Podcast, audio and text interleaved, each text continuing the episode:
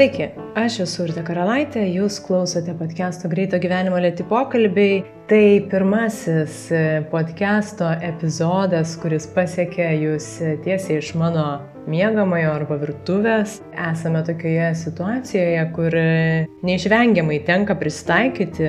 Man teko pamiršti apie savo perfekcionizmo užuominas ir nuleisti kokybės kartelę iki telefoninio podcast'o įrašo. Ir šį pokalbį visiškai papildomą epizodą dovanoju jums aš. Manau, kad dabar yra laikas kai daugam iškyla keistų ir nepatirtų situacijų, atsiranda galbūt visai nepažintos emocijos ir viskas vyksta ganėtinai staiga, Tai prasidėjus karantinui ir apribojimams, staigiam tokiam gyvenimo būdo pasikeitimui, natūraliai didėja nerimo jausmas ir aš tą labai pastebėjau ir savyje, ir aplinkiniuose žmonėse, socialinėse medijose, tai tų klausimų staiga pradėjo kilti daug žmonės, kurie visai nesusidūrė su nerimu ar panika, tai tikrai nėra lengvi potyriai pirmą kartą. Tai dėl to aš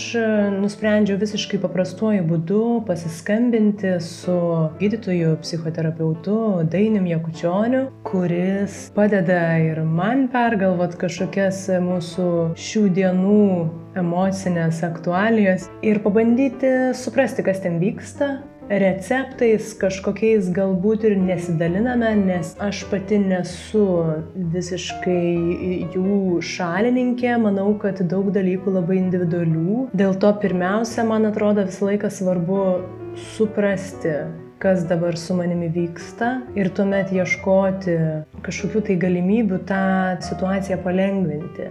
Situacija dabar tikrai nėra lengva nei vienam iš mūsų Nusiteikite, kad pokalbis galbūt irgi nebus tik tai šviesiai viską piešintis, mums norėjosi pažiūrėti ir iš tiesų ir realybę, tokią, kokia jinai yra. Paklausykite mūsų pokalbio, pergalvokit, kas šioje situacijoje jums patiems galėtų padėti truputį lengviau ją pergyventi. Gerą klausimą.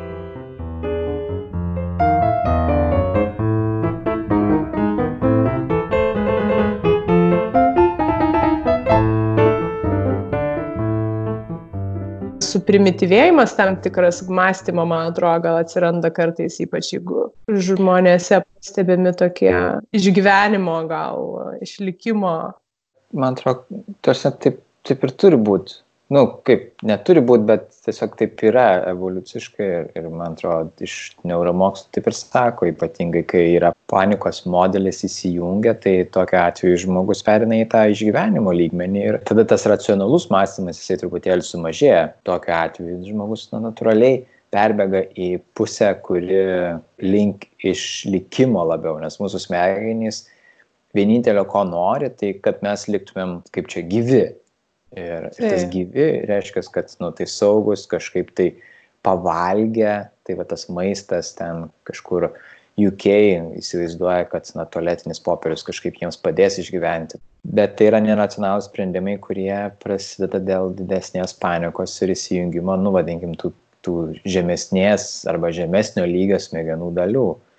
Ir racionalūs sprendimai, jie ne visą laiką prasimuša. Tai aš teisingai suprantu, kad būtent e, tokiose krizinėse situacijose, kai staiga kažkoks šokas, e, stresas, e, pasirinkimai tokie primityvesni tampa, kaip tą racionalų nuo primityvaus mąstymo, kaip jisai atsiskiria, kodėl staiga įsijungia kitoks mąstymas.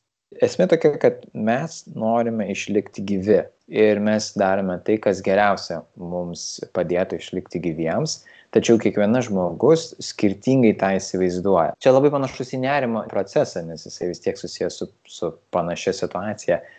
Tai smegenys yra išmokusios tam tikrus dalykus per gyvenimą. Ir kad yra tam tikri dalykai geri, pozityvus, yra negatyvus kažkokie, tai yra saugus, yra pavojų keliantis ir tą grėsmę kažkokią tai keliantis. Ir kai ištinka tokia vat, nu, krizinė situacija, tai smegenys ką iškart įsivaizduoja, iš karto įsivaizduoja patį patį blogiausią variantą, e, nebūtinai, nu, ne per racionalią pusę, bet tiesiog kaip scenarių, tokio kaip prabėga visas filmas mintise. Ir kai kurie žmonės, na, pastebi, kad prabėga pas juos galvoje toks scenarius, jie, aha, apsvarsto tą, priima, kad mm, gali būti taip, o koks gali būti kitoks scenarius, koks dar kitoks scenarius, apsvarsto racionaliai taip ir tada priima teisingiausią sprendimą savo pagal save kiti žmonės labai tiki savo minčių gale ir tiesiog, nu, jie, jeigu jiem prabėgo pro mintis įsivaizdavimas, kad, nu, dabar tai jau bus viskas, tai jie ir patikė viso šito įsivaizdavimu ir tada uh, ruošiasi, nu, pačiam blogiausiam, nebesvarstydami uh, už ir prieš, nebesvarstydami kažkokių racionalių sprendimų. Mm. Automatiškai iš dalies daugumą atveju. Nes neturi įgūdžio tiesiog nu, tas mintis kažkaip tai priimti kitaip, pastebėti, kad tai yra tik tai mintis, kad na, jos nebūtinai reiškia, jog taip ir įvyks, kaip jisai žmogus pagalvoja.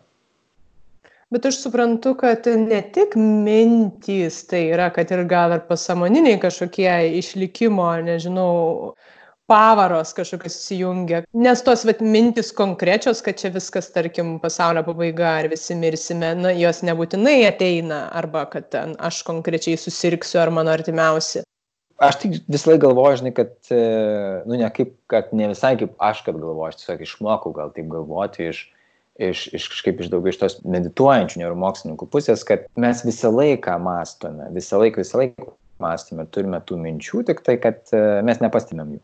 Tai va, ta pasamoninė pusė galima galbūt priskirti, bet tai vėlgi, nu, kol kas nesutarima, kas yra sąmonė, kas yra pasąmonė ir, ir dėl to, na, čia ta sunkiai diskusija būtų man. Taip, taip. Man įdomu dar tada saugumo pagrindas, saugumo jausmas. Tokioj situacijoje, na, daugybė pavyzdžių, ar tai, nežinau, finansinė padėtis ir gyvenimo būdo pokytis staigus, kažkokie pribojimai, staigus atsiribojimas nuo socialinio gyvenimo. Tas saugumo pagrindas sudreba. Taip, pirma, man gal įdomu, tai čia irgi turbūt dėl to išlikimo, kodėl tas saugumo pagrindas svarbus. Kas galbūt jį sudaro įprastai ir kaip mes galim jį kurtis toj vat kriziniai tokioj išgyvenimo situacijai, kur galbūt tų kintamųjų yra daugiau.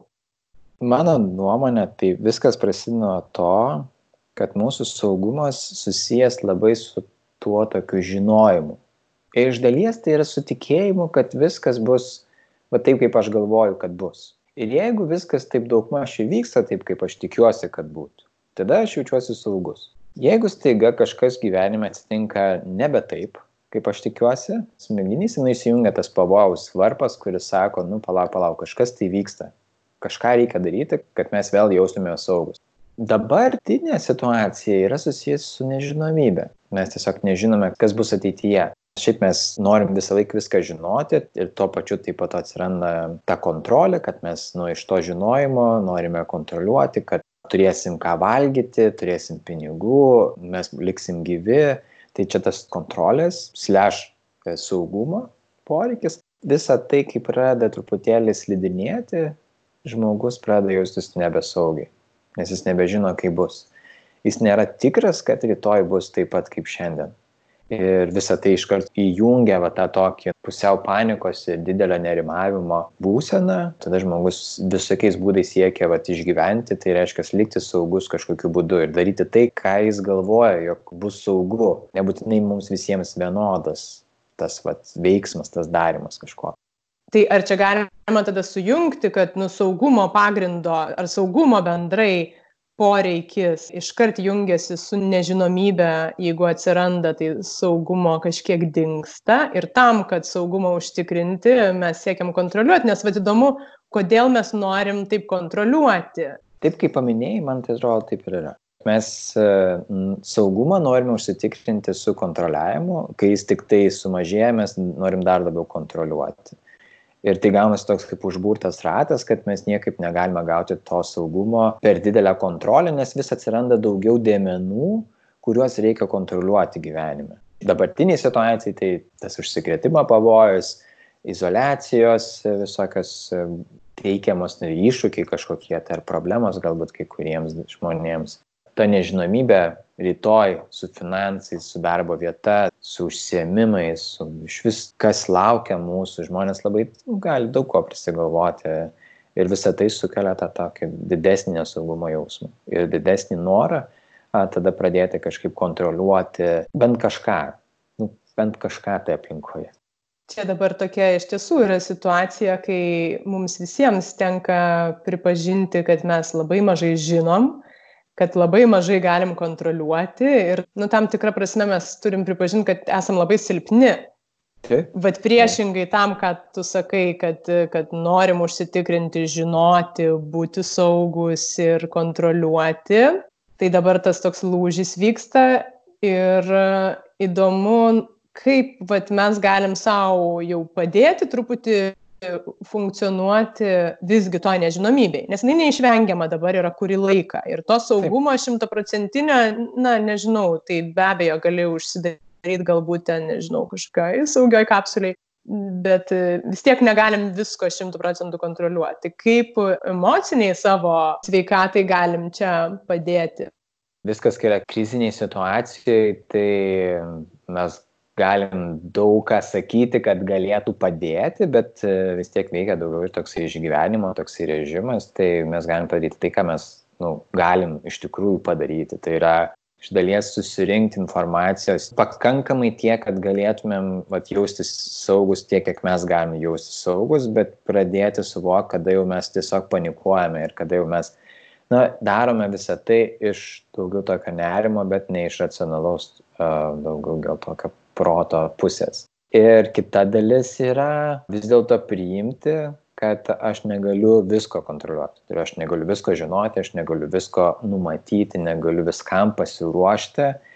Ir, na, tada jau čia atsiranda tas toksai stebuklingas žodis, kaip sakėt, diskomforto tolerancija. Tai to paties nežinojimo, nežinomybės tolerancija, kur mes vis dėlto tada visi nežinome. Nu, realiai mes visi nežinome. Nėra žmonių, kurie žinotų daugiau. Tiesiog mes visi tiek pat žinome, kaip viskas bus šitoj vietoj kaip ir galima atsiremti galbūt į tą, tą tokį, kad mes visi kartu nežinome, dėl to nieks nėra kaip čia stipresnis. Ir mes visi kartu, kaip minėjai, esame šioje situacijoje pakankamai silpni. Ir dar tą panikos momentą mini, kaip būtų galima tada atpažinti, tada, kai įsijungia panika, nes visgi skiriasi kažkoksai nerimavimas, kurio kiekvieną dieną mes visi neišvengiam, nuo jau to nebesveiko ir gal net žalingo reagavimo. Kai kuriems žmonėms iš tikrųjų tai pasireiškia per fizinius simptomus, na, ta prasme, jie tiesiog labiau jaučia kažkur tai kūne, savyje um, tam tikrus nu, nerimo simptomus didesnius. Tai yra spaudimą galbūt krūtinėje, pilvo sukimas būna žmonėms, kartais gerklės kažkoks tai ten būna užspaudimas arba kaip gumulas kažkoks tai kreipčiau dėmesį į tuos, kad tai irgi vienas kaip iš, iš tokių požymių, o kitas dalykas tai ar aš tai, ką aš dabar darau, daryčiau nu, normalioje būsenoje, norėdamas kažkaip tai išgyventi, nu, racionaliai galvodamas apie tai. Nes ta panika, vėlgi, jinai skirtingai žmonėms, kai kuriem, tai va, dabartinė ta panika gal nėra ta tikroji panika, kur vadintumėm prie psichologinių kažkokių sutrikimų, tai yra daugiau toks žodis, kaip apibrėžimas tam įvardinti, kas vyksta. Ir jinai pasireiškia nu, dideliu tuo bandymu užsitikrinti labai stipriai savo saugumą, e, prisipirkti belenkiek valgyti. Čia turbūt vienas iš tų dažniausių, tų dabar, kad valgyti, prisipirkti, kad uh, užsidaryti, tada nebendrauti. Turbūt iš to yra. Šitoje vietoje yra tokia slidi riba, nes mes nežinom, kaip bus rytoj, o mes nežinom, kaip bus po mėnesio o ką jeigu po mėnesio iš tikrųjų nebus valgyti? O kaip mums žinoti tą? Ir va tai yra, kad mes visi to nežinome, tiesiog, kad nu, elgiamės pakankamai racionaliai, žiūrėdami, matydami aplinką, reaguodami į valstybės kažkokius pranešimus, reaguodami į kitų žmonių pranešimus, į matydami, kad produktų parduotuvėse jų yra ir jų vis būna. Vakarais tik tai nebūna, nes kažkaip, kažkas išperka, bet ne žmonės tiek daug iš tikrųjų valgo. Tu mini, kad tai nėra susijęs tas su psichologinė panikos būsena, Taip. bet visgi aš įsivaizduoju, kad sudėtingesnėse situacijose ar tokiuose jautresnėse reakcijose panikos priepoliai priartėjimai prie įvairių emocinių sutrikimų gali dabar irgi vykti net ir sveikiem žmonėm, ypač jeigu sudreba labai daug jų gyvenimo dėmenų. Gali. Tai, Dėja. tai va, kaip e, tą atskirti aš įsivaizduoju kad žmonės kurie visiškai su tuo nesusidūrę kurie neturi psichologinių problemų kurie iki šiol gyveno ganėtinai ramų kontroliuojamą saugų gyvenimą. Turbūt kad jeigu vat imtumėm žmogų kuriam nu kaip ir vadinkim pirmą kartą gyvenime atsiranda didesni nerimo arba nerimavimo priepuoliai ar galbūt kažkokios mini panikos atakos tai sakyčiau apie tai, kad e, fiziniai simptomai, kažkoks įspaudimas kažkur, tai žmogus nu, spaudžia, dažniausiai būna toks vienas, e, spaudžia krūtinę kairėje pusėje, žmogus tada iškart pradeda galvoti, kad galbūt čia yra širdis, kažkam yra didelis baimės jausmas dėl visos aplinkos, kas vyksta, tada atsiranda tie simptomai, kaip yra padažnėjęs kvepavimas, sunkus kvepavimas. Su to sunkiu kvepavimu čia vėlgi yra viruso požymis, yra pasunkėjęs kvepavimas, kas tada dar labiau kažkaip aktyvuoja tą baimę, nes jau mes čia, oi, man jeigu sunkesnis kvepavimas, tai gal aš apsikrečiau ir tas dar labiau aktyvuoja baimę ir dar žmogui dar labiau tie simptomai umėja tai atpažinus tuos kad fiziniai simptomai kažkur tai krūtinėje galbūt rankų drebėjimas didesnis prakaito mušimas dar didesnis pastovus baimės jausmas kuris atrodo niekaip nenurimsta netgi nu tas pastovus jisai gali užtrukti ilgiau arba trumpiau bet e, eskaluojant dabartinę situaciją jis gali būti ir ilgesnis ne ne taip kaip trunka panikos atakų metu ten iki dvidešim trisdešim minučių atskirti yra ir ganėtinai gali būti ir sunku žmonėms, bet uh, jeigu jiems niekada nebuvo ir žmogus yra pakankamai jaunas ir jiems niekada nebuvo jokių kažkokių simptomų ten su širdies ar plaučių lygomis, ir staiga kažkas pasidaro, nes jisai jau ilgai nerimavo, jau jisai ruošiasi, jisai nežinojo, jam yra nežinomybė dėl darbo, dėl sveikatos, dėl artimųjų. Ir atsiranda kažkokie tokie požymiai, būčiau linkęs įtarti, kad tai gali būti daugiau nerimo, aišku reikėtų į tai atsižvelgti pastebėti ar nėra kitų papildomų požymių ir, ir jeigu nėra, tai tada priimti, kad aš nerimauju ir suprasti, kad nerimauju dėl savęs, dėl kitų, dėl aplinkos, dėl pasaulio. Dabar truputį pastebiu, kad ir specialistus atsiranda norinčių kreiptis e, daugiau, kas yra pagirtina, bet ar tokiam umiam na kažkaip ir nuo situacijos priklausomam mm. nerimui reikia specialistų pagalbos, kaip, kaip tu matytum, ar tuomet reikia iš karto griepti ir tvarkyti? Matai, žmogus, jeigu jisai nežino kažko, tai jam yra didesnė tikimybė, kad jisai nerimaus. Tai yra tiesiog tas. Ir kartais specialistas gali padėti atsakyti tam tikrus klausimus, galbūt nuraminti ir validuoti visa tai, kas dabar su tavim vyksta, tai yra visiškai normalu, nes visiems taip vyksta dabar. Ir ką mes galim padaryti tokio, kad užtikrintų bent tą tokį minimalų saugumą su tavimi, ką tu turi padaryti. Kitas dalykas, kad galbūt dar ir išklausimas irgi kartais padeda, nes, nu, jeigu žmogus vienas nerimauja, jis izoliuotas yra, arba jo visa šeima nerimauja visi kartu dalinasi tuo pačiu nerimu, tai tiesiog sunku, nes nėra jau su kuo tai pabūti tam tokiam saugume, kuris būna tas fizinis saugumas, kur kažkas sako, viskas bus gerai, tikimės kai to nėra, tada gali būti, kad gali padėti. Bet kitu atveju tai daugiau tiesiog reikia priimti, kad ta tokia yra situacija nežinomybės ir su nežinomybės situacija mes kiekvienas kovojam taip, kaip mums gaunasi, bet reiktų priimti tam tikrus sprendimus. Irgi lygiai taip pat, kad ten tos pačios informacijos apie virusą ieškoti truputėlį mažiau ir, ir rečiau ten pasilikti gal porą tik tai šaltinių, kurie yra patikimi, nebandyti sekti visko, visko, visko, visų tų atnaujinimų, galbūt įsijungti tos pačius ir notifikationus telefoną. Nes tas didina. Kiekvieną kartą, kai aš pamatau tą, nu, natūralu, kad aš įsigastu. Pamatau, kad didėja žmonių, kurie turi virusą skaičius, o aš iš karto įsigastu. Nu, žmonės pradeda galvoti, o kur aš buvau. Ir tai kaip ir gerai, kad saugumą gal kažkiek tai didina, bet ir tuo pačiu tai didina ir tą patį nerimą viduje. Nes, nu, aš iš karto išsigastų dėl viso to, kas vyksta aplinkoje, dėl tos nežinomybės, o kas bus toliau. Racionaliai nežinodamas, kaip. Nes aš pats irgi pastebiu, kaip man irgi tas nerimas didėja, netgi nuėjus į parduotuvę, prie parduotuvės laukiam eilėje, ten kas kažkiek tai metrų tam, kad galėtumėm įeiti bet ir tai, ir tas irgi toks atrodo, kad tų žmonių ten daugiau ir tas ir kalba visi, kaip čia, kodėl, kas čia vyksta ir iš to paties kyla irgi toks atrodo nesaugumas, kad gal čia vat kažkas tokio bus blogai. Nors racionaliai žiūrint pagal visus įrodymus, nu, mums reikia tiesiog nu, laikytis tam, tam tikrų savizolacijos principų ir nebus nieko ten tokio, nu, labai labai blogo, kai mes galėtumėm tikėtis. O net jeigu tai ir bus, nu, mes negalim to pakeisti, nes neturime jokių stebuklingų galių tam pakeisti. Tai mes galim daryti tik tiek, kiek galime daryti. Tai va, visa ta dalis yra, kad aš galiu padaryti tiek, kiek aš galiu padaryti. Tai yra, aš galiu laikytis tam tikrų taisyklių, neiti ten, nesi, nežiūrėti kažkur, nesibūrti vietas, nesi, nesiliesti prie nieko kito. Lygiai taip pat aš galiu tik tai tam pasirūpinti kažkiek tai maisto, kiek turiu, pasiklausti artimųjų, kaip jiems sekasi, jeigu reikia juos nuraminti ir toliau užsimti kasdienį veiklą, kurią prieš tai turėjau, tik tai, kad, nu, jinai pakinta, nes keičiasi forma, bet jinai vis tiek toliau turėtų kažkiek tai tęstis. Nes tikrai visą laiką tik tai žinių žiūrėjimas ir bandymas sekti naujienas labai eskaluoja vidinį tą nerimavimo jausmą.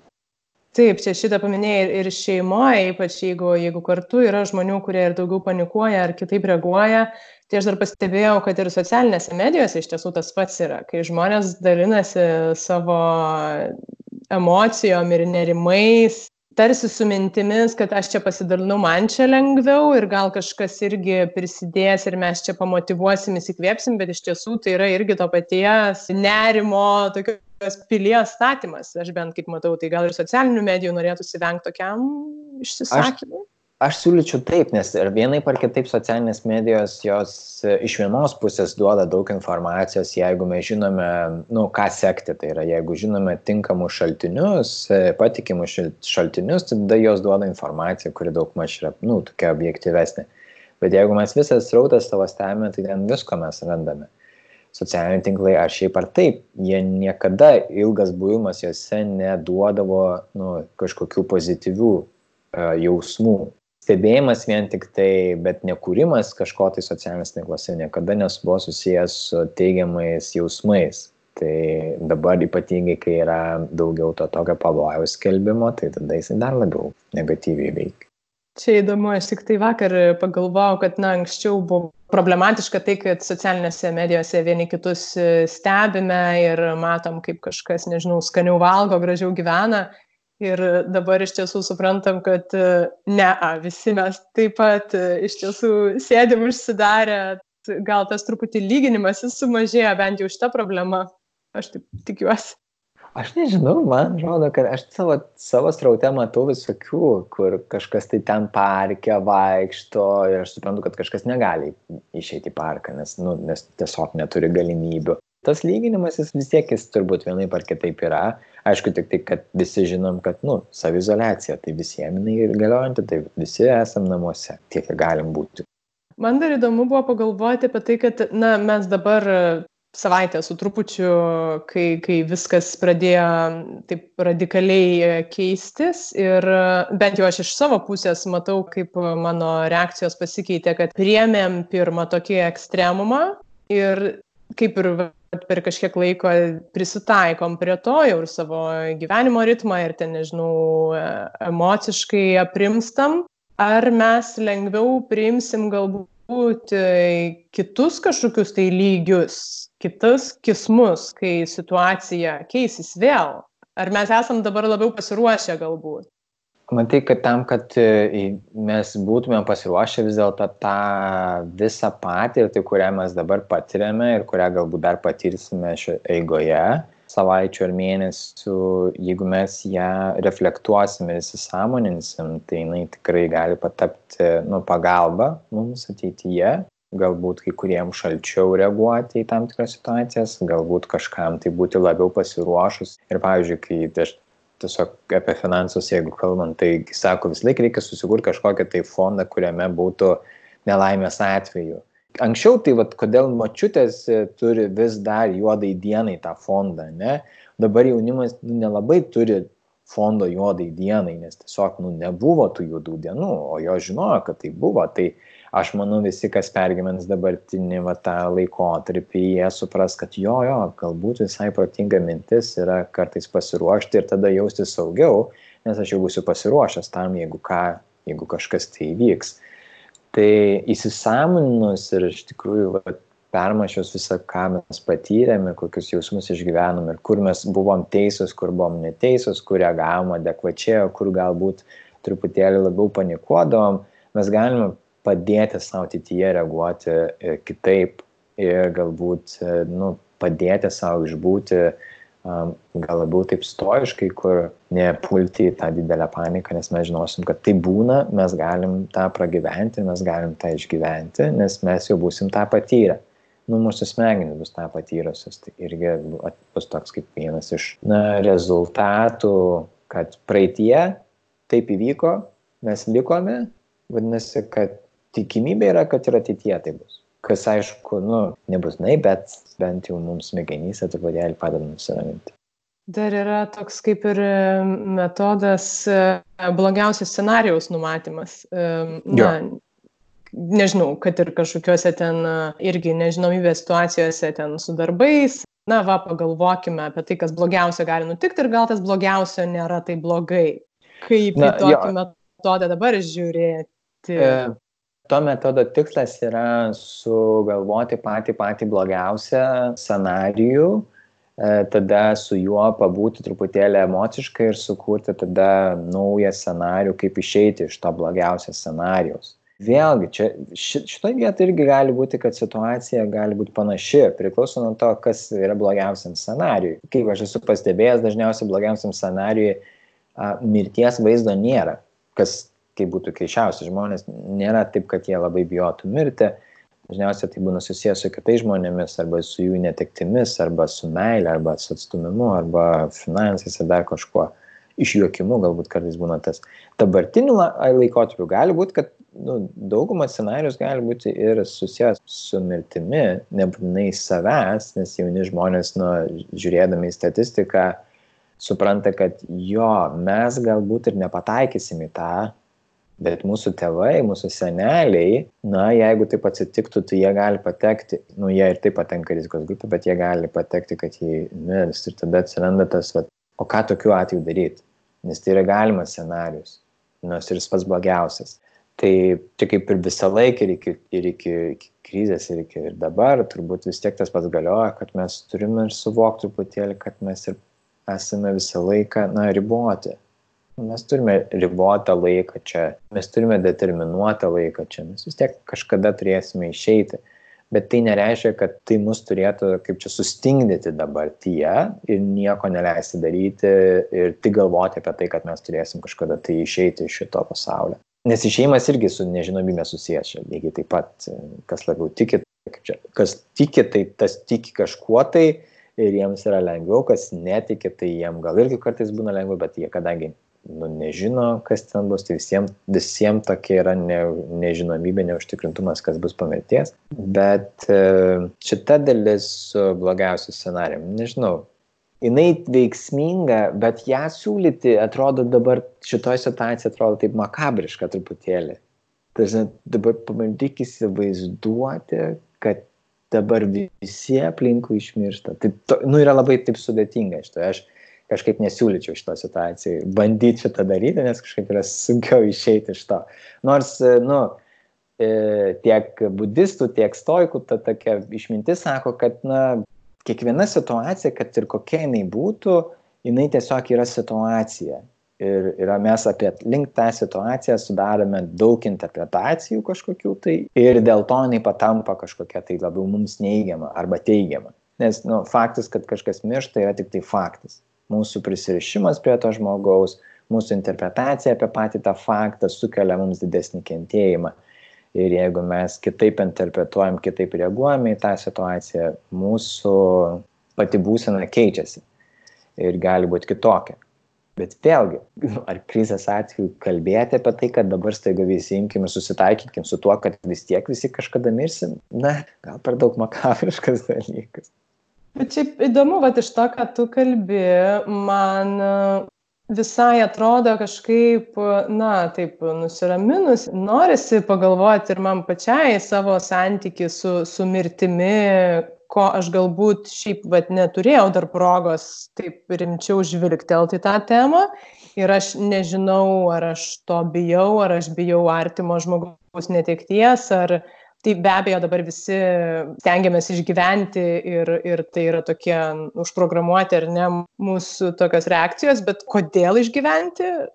Vat man pačiai aš negaliu atsakyti, ar aš iš tiesų bijau mirties. Man tą temą įdomu šituo laiku būtų pergalvoti net jeigu tai ir priminti, kad iš tiesų ribotas ir laikas ir nežinau, gal tokio truputį lengvumo tai ir duoda, kad nesvarbu, ar šitoj krizėje labai kabiniesi, ar bendrai gyvenime turi kažkokią slaptą viltį, kad visgi gal kažkas čia toj pasikeis ir nemirsime.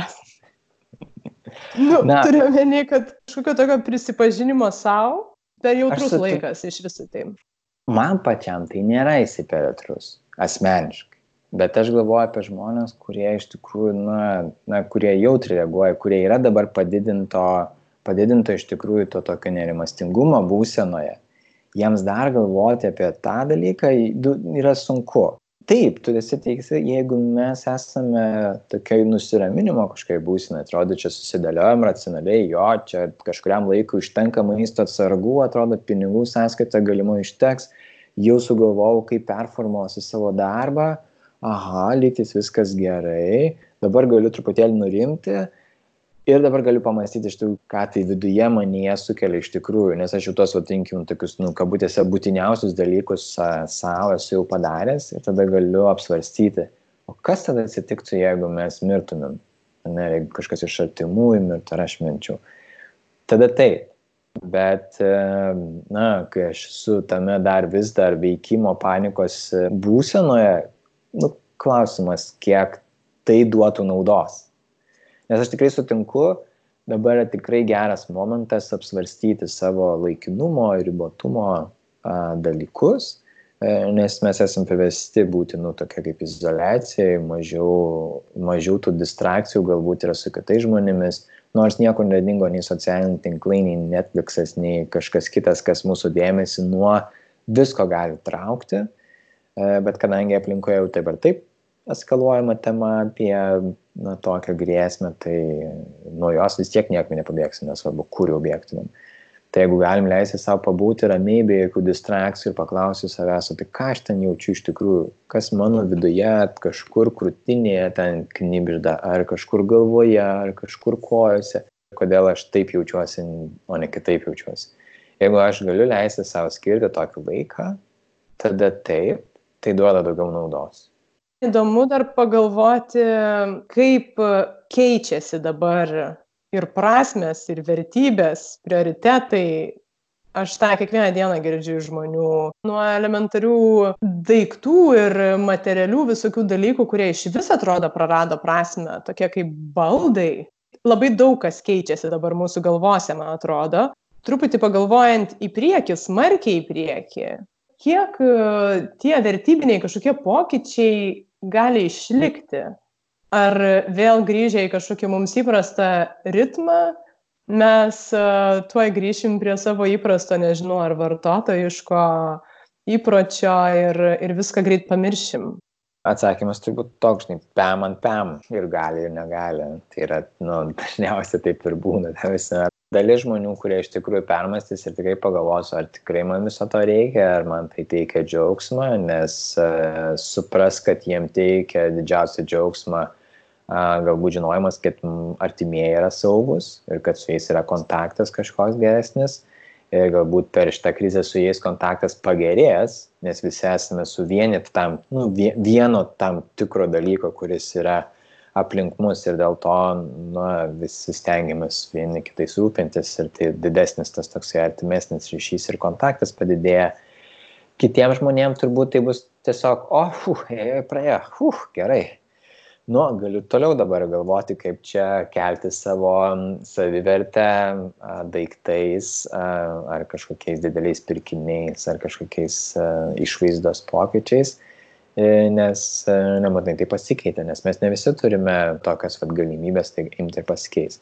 Nors, vat, tokios situacijos kaip krizinės situacijos, jas vis dėlto daugumai žmonių nu, padeda pažiūrėti į, į gyvenimą kitaip. Nes jie tiesiog pamato, kiek mažai reikia Negali niekur išvykti, jokių atostogų.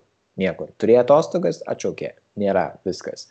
gali į parką nueit džiaugiesi kad gali į parką nueit nors ir du metrai atstumas vienas nuo kito bet bent jau tuo džiaugiesi tai yra tie tokie galbūt žmonės tikrai pamatys kad e, didžiausią džiaugsmą gali teikti tada kai jie yra čia ir dabar ir jie priima ir ir kažkaip džiaugiasi tuo kad vat turi vat aš turiu jau čia nu yra dėkingi galbūt už tai kad vat turi šeimą turi draugus turi tiek kiek jiems šiuo metu reikia o visa kita tai yra daugiau nu tiktai trumpalaikis džiaugsmo toksai proveržis, kurį atneša daiktas ar kažkokia tai pramoga.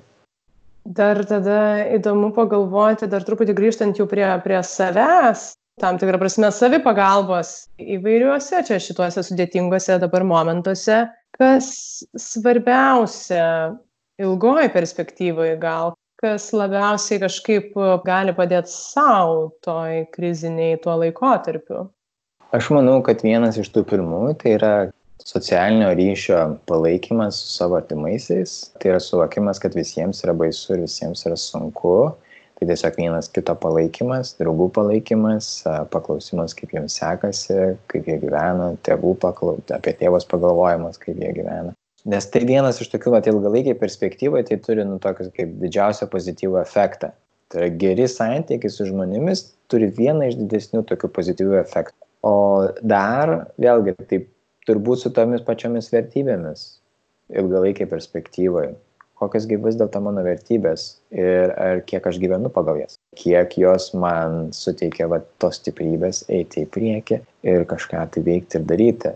Kita dalis dar turbūt yra su tuo kad e, kiekvienas mes esame žmogus tik tai mes neprivalome savęs bausti už tai, ko mes kažko nedarome arba padarėme blogai. Tai yra galbūt daugiau ta tokia, nu vadinkime, aš sakiau kabutėse meilę savo, nors e, labai gražiai skamba atjauta savo, kas yra toks suvokimas, kad aš esu tik tai žmogus darantis klaidas, gyvenantis tą gyvenimą, kuris yra toks, koks yra. Tai yra aš galiu pakankamai gerai gyventi ir būti pakankamai geras galbūt žmogus ir to užteks, kad gyvenčiau pakankamai gerą gyvenimą. E, bet tai nekalbant apie, nei apie pinigus, nei apie kažkokius ten, nežinau, išorinius dalykus. Tai daugiau kalbam apie tokią vidinę būseną, apie tai, kad aš iš savęs reikalauju daugiau negu kad galbūt e, reikia, baudžiu save daugiau negu kad reikia. Atjauta savo yra ta tokia, nu, meilė savo, kai aš sakau, kad aš esu tik žmogus ir aš suklystu, nieko tokio, rytoj kitaip padarysiu. Jeigu nepadarysiu, galbūt poryt padarysiu. Tai toks atleidimas savo už kažkokius dalykus. Man atrodo, tie dalykai jie yra vieni iš tokių svarbiausių. O tau pačiam visus mus netikėtai užklupo šitą situaciją. Kas vat, buvo toks didesnis iššūkis per šią savaitę gerą?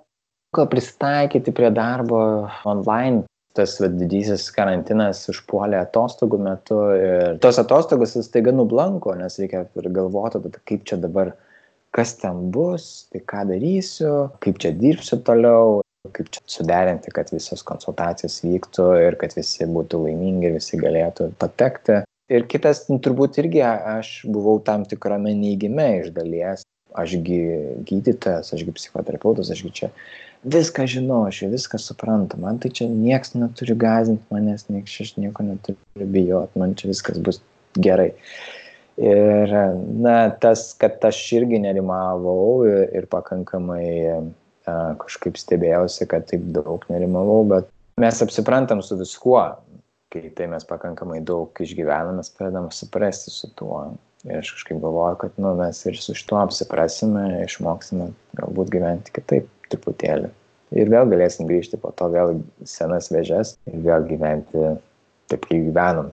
Bet aš tikiu, kad, na, kažkas ir sakė tokia skambi frazė, bet kad niekada viskas nebebus taip pat turint omeny, vat, ką tu sakai, e, vis tiek dabartinius kažkokius ir pristaikymus, ir kažkokius naujas patirtis, iš tiesų daugumai iš mūsų, kurie, na, nei karo neatsimena ir net prieš nepriklausomybę, kurie neatsimena, tai sunkmečio nematė, nespranta, kas vyksta. Iš tiesų, nu, aš įsivaizduoju, kad yra didžiulis šokas iš tiesų žmogui.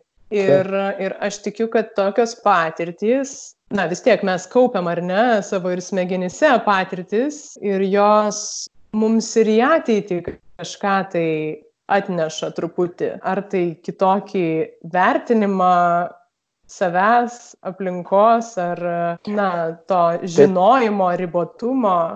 Visą tai, ką mes patiriame, mes tą nešame su savimi, vienai par kitaip, sąmoningai ar nesąmoningai, mes vis tiek tą nunešamės prieki tiek, kiek mes gyvename. Ar tai pozityvu, tą, ką mes nešamės, ar negatyvu, kol kas nežinome, bet gali būti visai. Nerimastingiam žmonėm gali būti nerimastingiau gyventi vėliau. Galbūt žmonėm, kurie racionaliai mąstė ir, ir įsitikino, įsivaizduokim, kad įsitikino, kad o mano mąstymas buvo pakankamai teisingas, tai jūs smegenys gavo įrodymą, kad aha, mes teisingai galvojam, tai dabar kitą kartą, kai vėl bus tokia panaši kažkokia krizė, tai mes jau elgsimės pakankamai šaltai, nes mes žinom, kad čia vis, viską mes galim sukontroliuoti. E, ar tai padės ar nepadės, mes toj, toj vietai nežinom. Bet kad mes keisimės, ir aš kai sakau, kad mes grįšim tos pačius gyvenimus, tai daugiau gal susijęs su to, kad, na, e, galėsim išėti vėl lauką. Dažniau galbūt ir parduotuvėje viens prie kito grūstis viens kitam į nugarą drąsiai dabar jau o galbūt mes išmoksim palaikyti tą pagarbų atstumą, o galbūt mūsų netgi ta, nu, vadinama, ta neintimi, bet ta tokia labai artima asmeninė zona gal neišsiplės. Ir mes kaip, nu, kaip žmonės, kaip pasaulis, staiga jinai pasidarys didesnė, žmonės atpras galbūt pučiuotis e, pasisveikindami arba paduoti ranką. Žiūrint, kiek laiko užtruksim gyvendami be tokio kontakto artumo. Aš manau, kad e, tokios pasiekmes kuriam laikui tikrai e, išliks, e, na, to paranoiškumo žmogus kažkiek tai išsineša iš tokių situacijų. Tai ačiū dainiau, aš manau, čia daug mes pasvarstymui užkabinam minčių ir pozityviai, ir taip realistiškai. Aš linkiu tau dar susitaikymų su tais nerimais ir lengvesnio likusio karantino. Dėkui. Dėkui už kvietimą.